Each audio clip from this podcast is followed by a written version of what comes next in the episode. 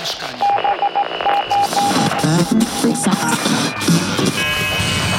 Odsłuch społeczny. Witajcie w kolejnym odcinku Odsłuchu Społecznego. Nazywam się Anna Roszman. W dzisiejszym odcinku gościmy Ninę Olszewską, reporterkę i literaturoznawczynię, autorkę reportażu Pudło opowieści z polskich więzień. Cześć Nina. Cześć.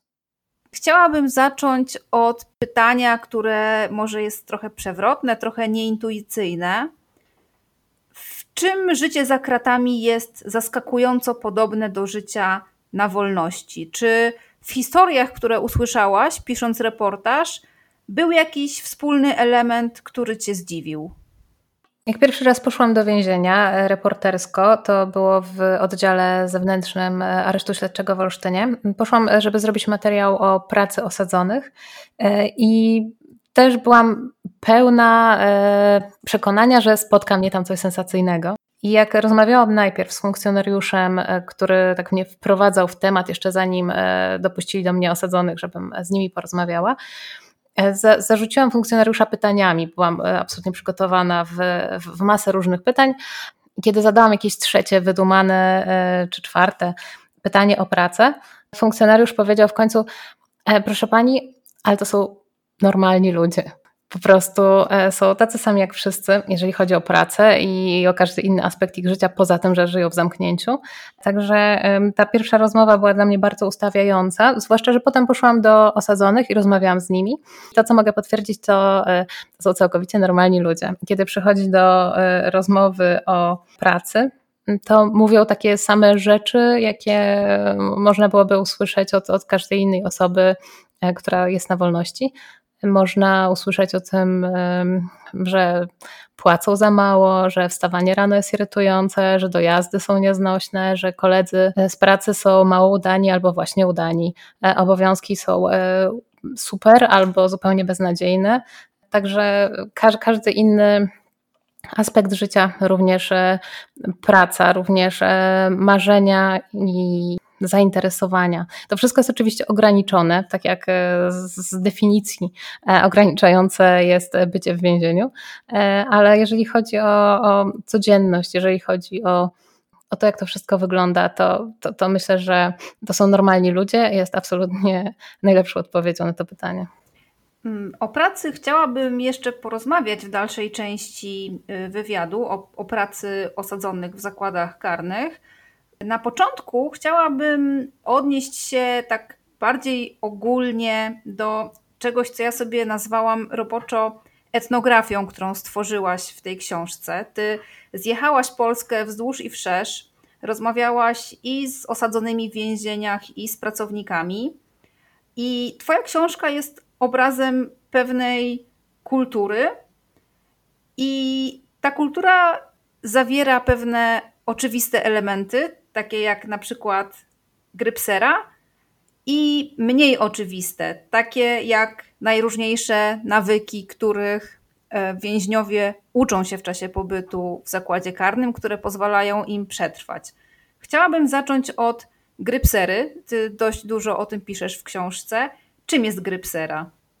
Grepsera myślę, że najlepiej wyjaśnia to słowo, które najczęściej pada ze strony grypsujących osadzonych, czyli jest to ich wiara, czyli zbiór zasad, e, które regulują to, jak powinno wyglądać życie człowieka w więzieniu, ale też e, poza więzieniem, dlatego że grypsującym jest się niezależnie od tego, czy, czy jest się akurat w trakcie odsiadki, czy nie, ponieważ jest to e, taki kodeks honorowy, w który mm, wpisują się także obowiązki jest to coś, o czym od y, świeższych stażem osadzonych słyszałam jako o takim zjawisku niemal historycznym, które jeszcze występuje w więzieniach. Grypsujący są widoczni, nie, nie podają ręki osobom niegrypsującym, e, nie, nie zjedzą przy jednym stole z osobą niegrypsującą, więc rzuca się to w oczy, ale jest to zjawisko coraz y, mniej popularne sami grypsujący mówią, że, że, że właściwie to prawdziwych gitów już nie ma i tak jak właściwie w każdej innej sytuacji e, starsze pokolenie na, narzeka na młode.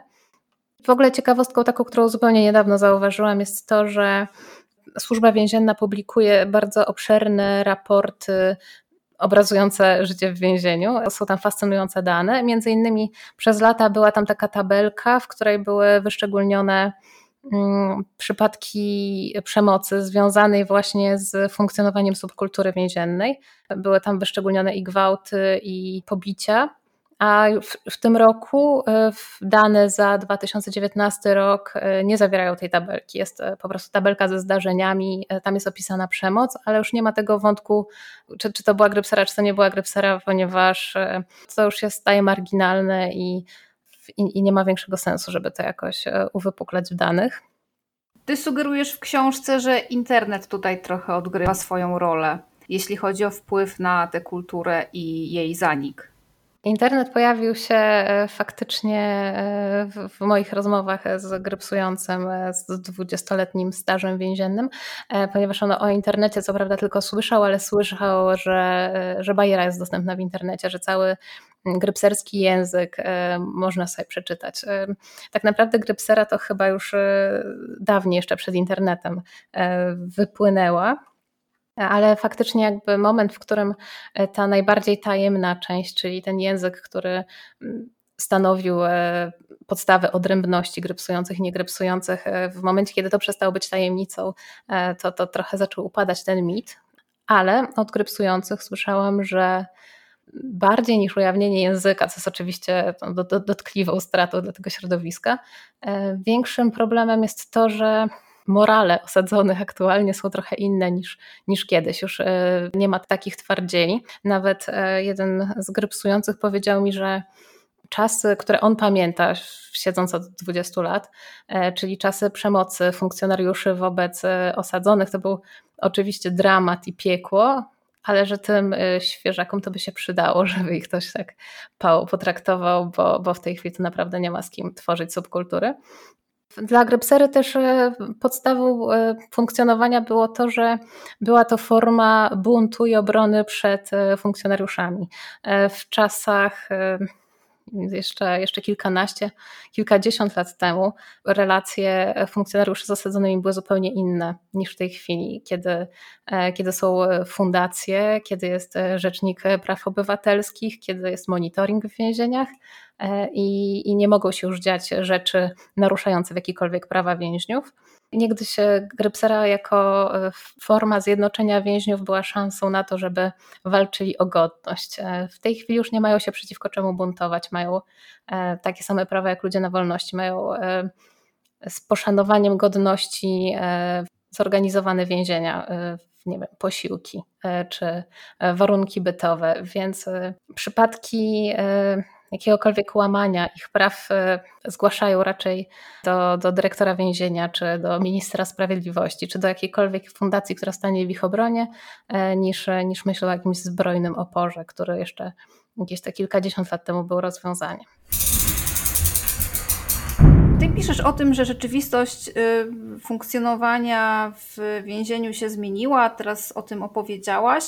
Ale z drugiej strony piszesz też w książce o takich strategiach przetrwania, jak na przykład handel, czasami bardzo nieoczywistą walutą. E, czym wymieniają się i czym handlują osadzeni?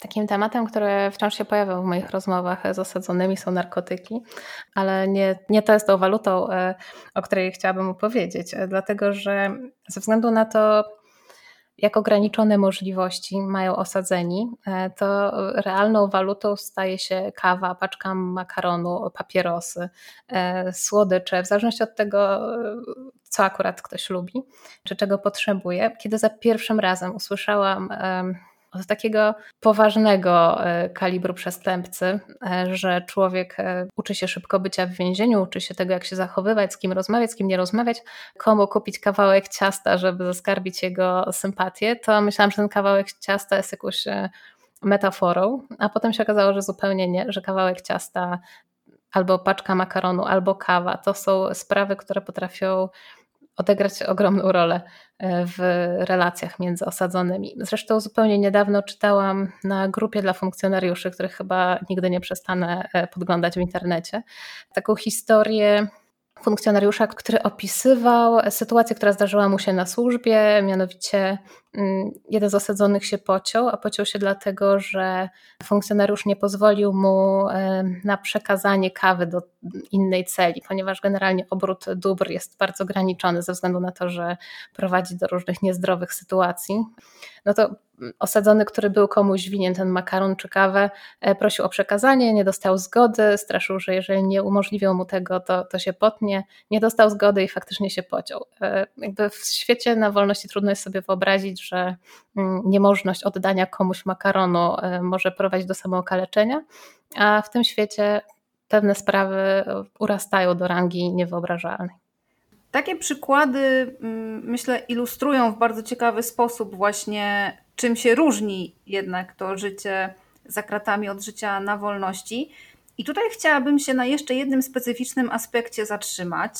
Ty wspominasz um, o tym, jaki odsetek osadzonych stanowią kobiety. Według danych, które przytaczasz w książce, na 74 tysiące osadzonych obecnie około 3 tysiące to kobiety. I to życie w więzieniu jest dla kobiet też szczególnym wyzwaniem. Z czym konkretnie kobiety się mierzą, e, kiedy są osadzone w zakładach karnych? Moi bohaterowie to przede wszystkim mężczyźni. Nie byłam w żadnym e, damskim więzieniu. I z kobietami udało mi się porozmawiać dopiero na koniec e, pracy nad książką, kiedy wydawało mi się, że już odbyłam tyle rozmów, już byłam w tylu więzieniach, że absolutnie nic mnie nie zaskoczy.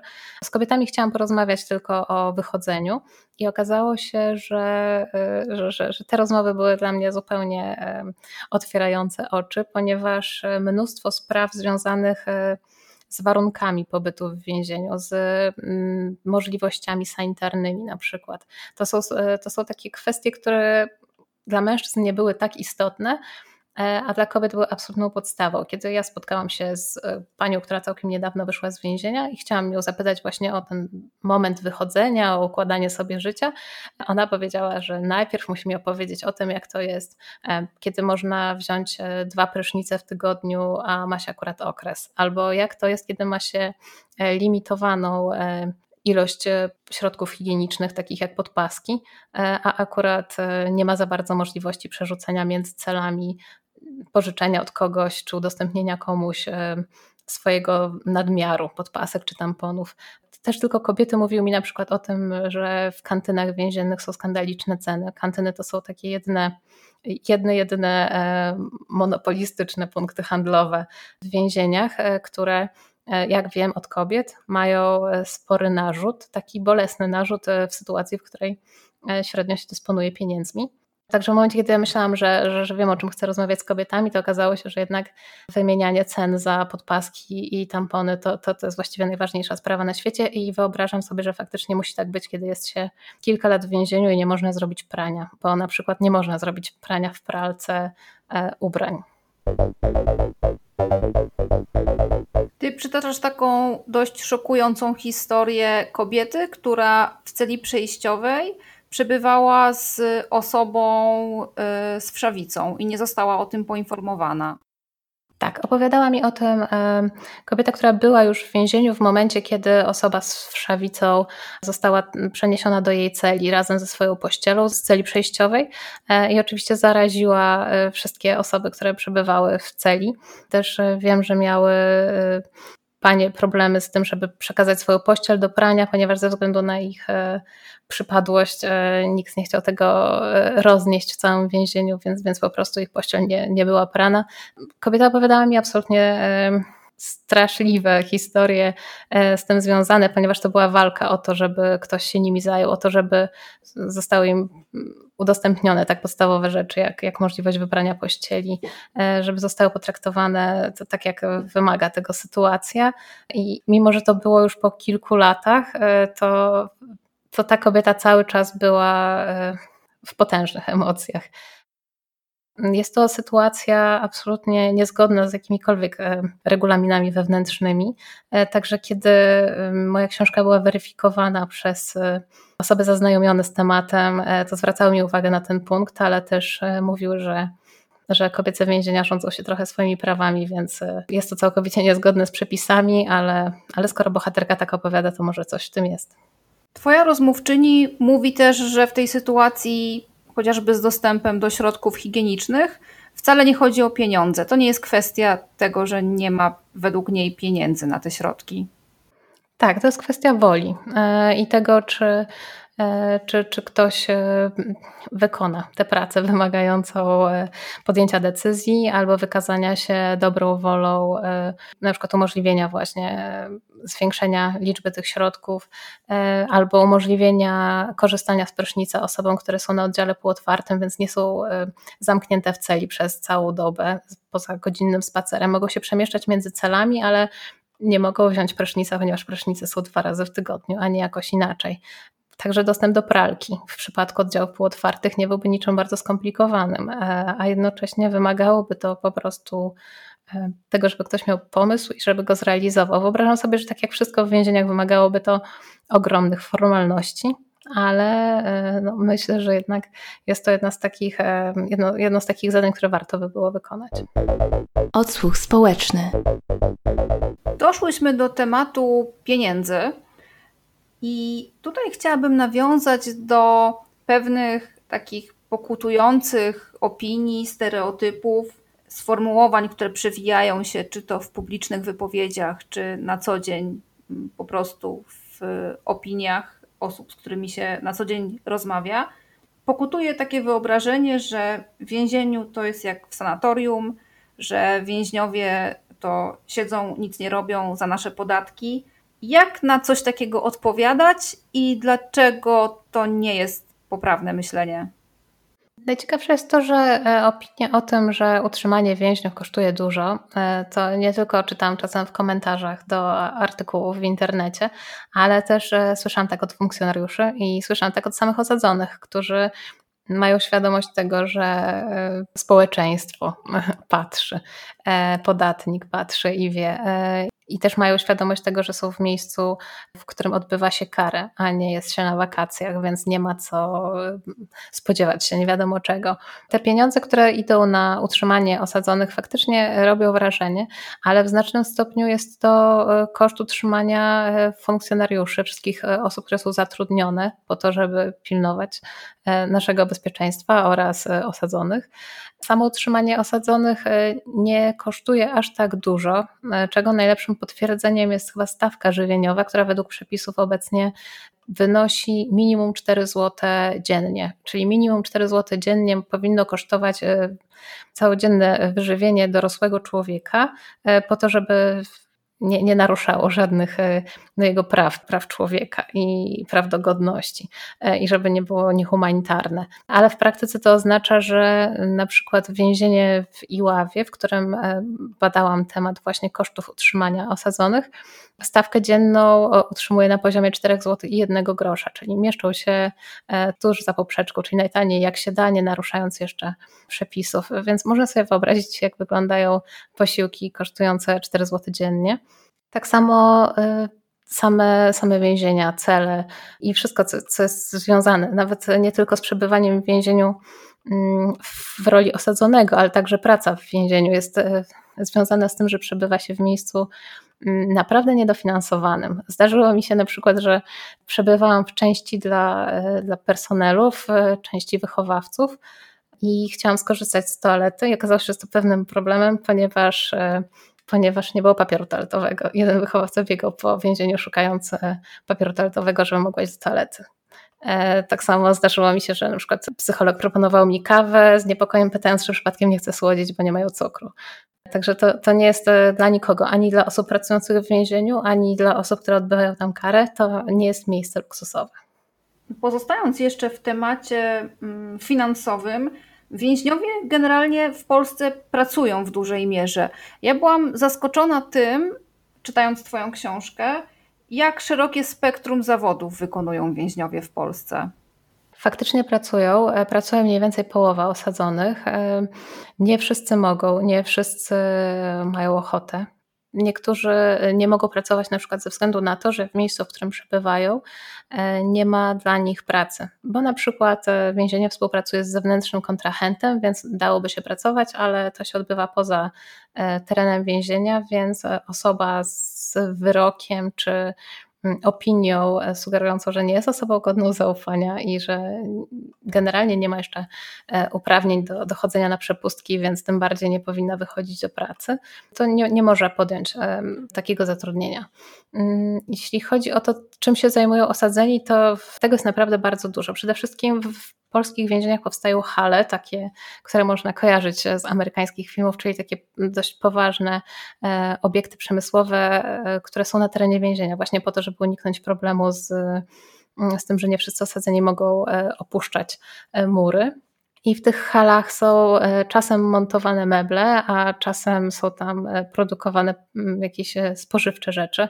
Nie wszyscy przedsiębiorcy, którzy zawierają umowę, w której część produkcji odbywa się w więzieniach, nie wszystkie chcą o tym mówić z różnych względów. Na przykład wiem, że te spożywcze firmy nie zawsze się tym chwalą. A jest akurat bardzo dużo przede wszystkim, jeśli chodzi o przetwórstwo mięsne, takich współprac, ale też na przykład Osadzeni pracują w sortowniach Poczty Polskiej, mm, myją pociągi, ale też e, osadzeni wykonują z różne zadania na terenie więzienia, pracują w więziennej kuchni, e, dbają o teren, e, wykonują wszystkie prace remontowe, które są w stanie wykonać. Założenie jest takie, że po prostu więzienie, jeżeli tylko może, nie powinno generować kosztów, więc jeżeli cokolwiek da się zrobić, to robi się to z pomocą więźniów. Ty przytaczasz też jeden taki bardzo uderzający i nieoczywisty przykład, mianowicie piszesz o pracy w DPS-ach, która jest bardzo ciężka, bardzo obciążająca psychicznie, ale paradoksalnie więźniowie się w tej pracy odnajdują. Opowiedz trochę o tym. Rzeczywiście, osadzeni pracują również w DPS-ach e, i w innego rodzaju takich jednostkach opiekuńczych. Jest to praca nieodpłatna na rzecz samorządu więc e, opiekują się osobami starszymi, e, chorymi, bardzo wymagającymi. Wiem, że pracują też w hospicjach. E, ja akurat robiłam materiał w Domu Pomocy Społecznej i, i byłam w tym miejscu, i to jest naprawdę przygnębiające i, i przytłaczające miejsce e, wymagające pomocy, więc osadzeni, którzy mogą wykonywać ciężką pracę fizyczną, mogą pomagać osobom, które się tam znajdują, e, tym osobom, e, które wymagają przewracania z boku na bok kilka razy dziennie, ponieważ nie są w stanie się same odwrócić. To jest gigantyczna praca. Rozmawiałam z kilkoma osobami, które pracowały w DPS-ie, z kilkoma osadzonymi i słyszałam opinie takie, że że jest to niewyobrażalnie ciężkie zajęcie. Rozmawiałam z osadzonymi, którzy rezygnowali z pracy po jednym dniu, ale rozmawiałam też e, z takimi, którzy pracowali tam przez dłuższy czas. E, jeden z moich bohaterów e, przez kilka lat i jest bardzo związany z tym miejscem, z tymi ludźmi. Zresztą to było fantastyczne, że mogłam obserwować go w tym miejscu i, i wiem na pewno, że to prawda. Ty w książce piszesz o tym, że próbowałaś porozmawiać z kobietami, które odwiedzają osadzonych. Jako, że jak już wspomniałyśmy, większość osadzonych to mężczyźni, oni zostawiają na wolności swoje żony, partnerki, dzieci, matki tych dzieci. I te kobiety odwiedzają mm, tych swoich krewnych, partnerów, mężów. I tobie nie udało się przeprowadzić wywiadu z takimi kobietami w trakcie pisania książki, ale takie osoby nawiązały z Tobą kontakt już po jej wydaniu. Opowiedz trochę o tym. Tak, robiłam takie podchody do więzienia e, na, do aresztu śledczego na Olszynce Grochowskiej, ponieważ jest to najbliższy mi e, zakład penitencjarny.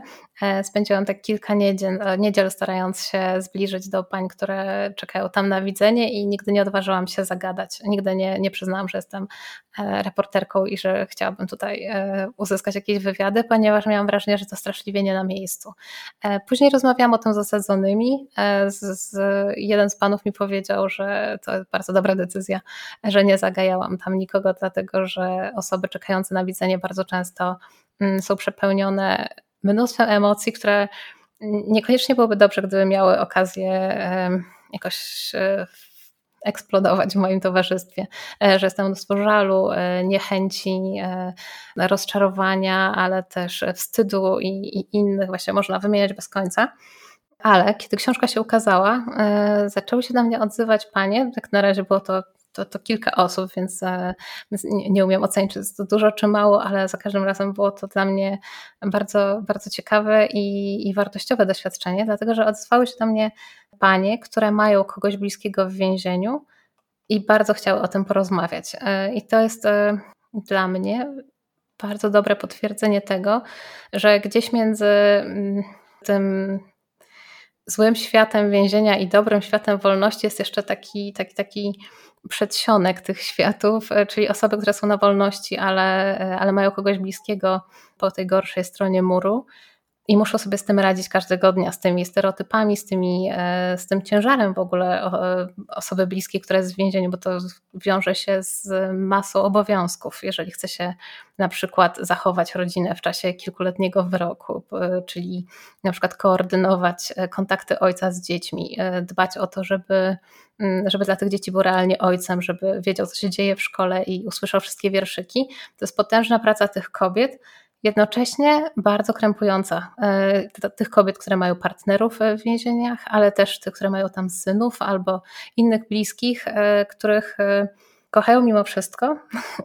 cokolwiek by się tam nie wydarzyło. Słyszałam od osadzonych, że matki nigdy nie rezygnują z dzieci, a ojców czasem przerasta wstyd. Wszystko oczywiście zależy od tego, za jaki artykuł ktoś odpowiada, ale ale generalnie tych kobiet zawsze jest, e, zawsze jest więcej, tych kochających, tych czekających, ale też tych, które wyraźnie potrzebowały bezpiecznego miejsca i bezpiecznego odbiorcy, z którym będą mogły porozmawiać tak po prostu o tym, jak to jest, jak się jeździ na te widzenia, jak to jest, kiedy dzieją się różne jakieś niefajne historie, kiedy słyszy się o tym życiu w więzieniu, bo, bo też to są czasem takie historie teoretycznie bez jakiegoś większego ciężaru. Na przykład jedna pani opowiadała mi o tym, że rozmawiała dzisiaj ze swoim partnerem i on narzekał na to, że, że był bardzo niedobry obiad e, i że był chyba częściowo zepsuty.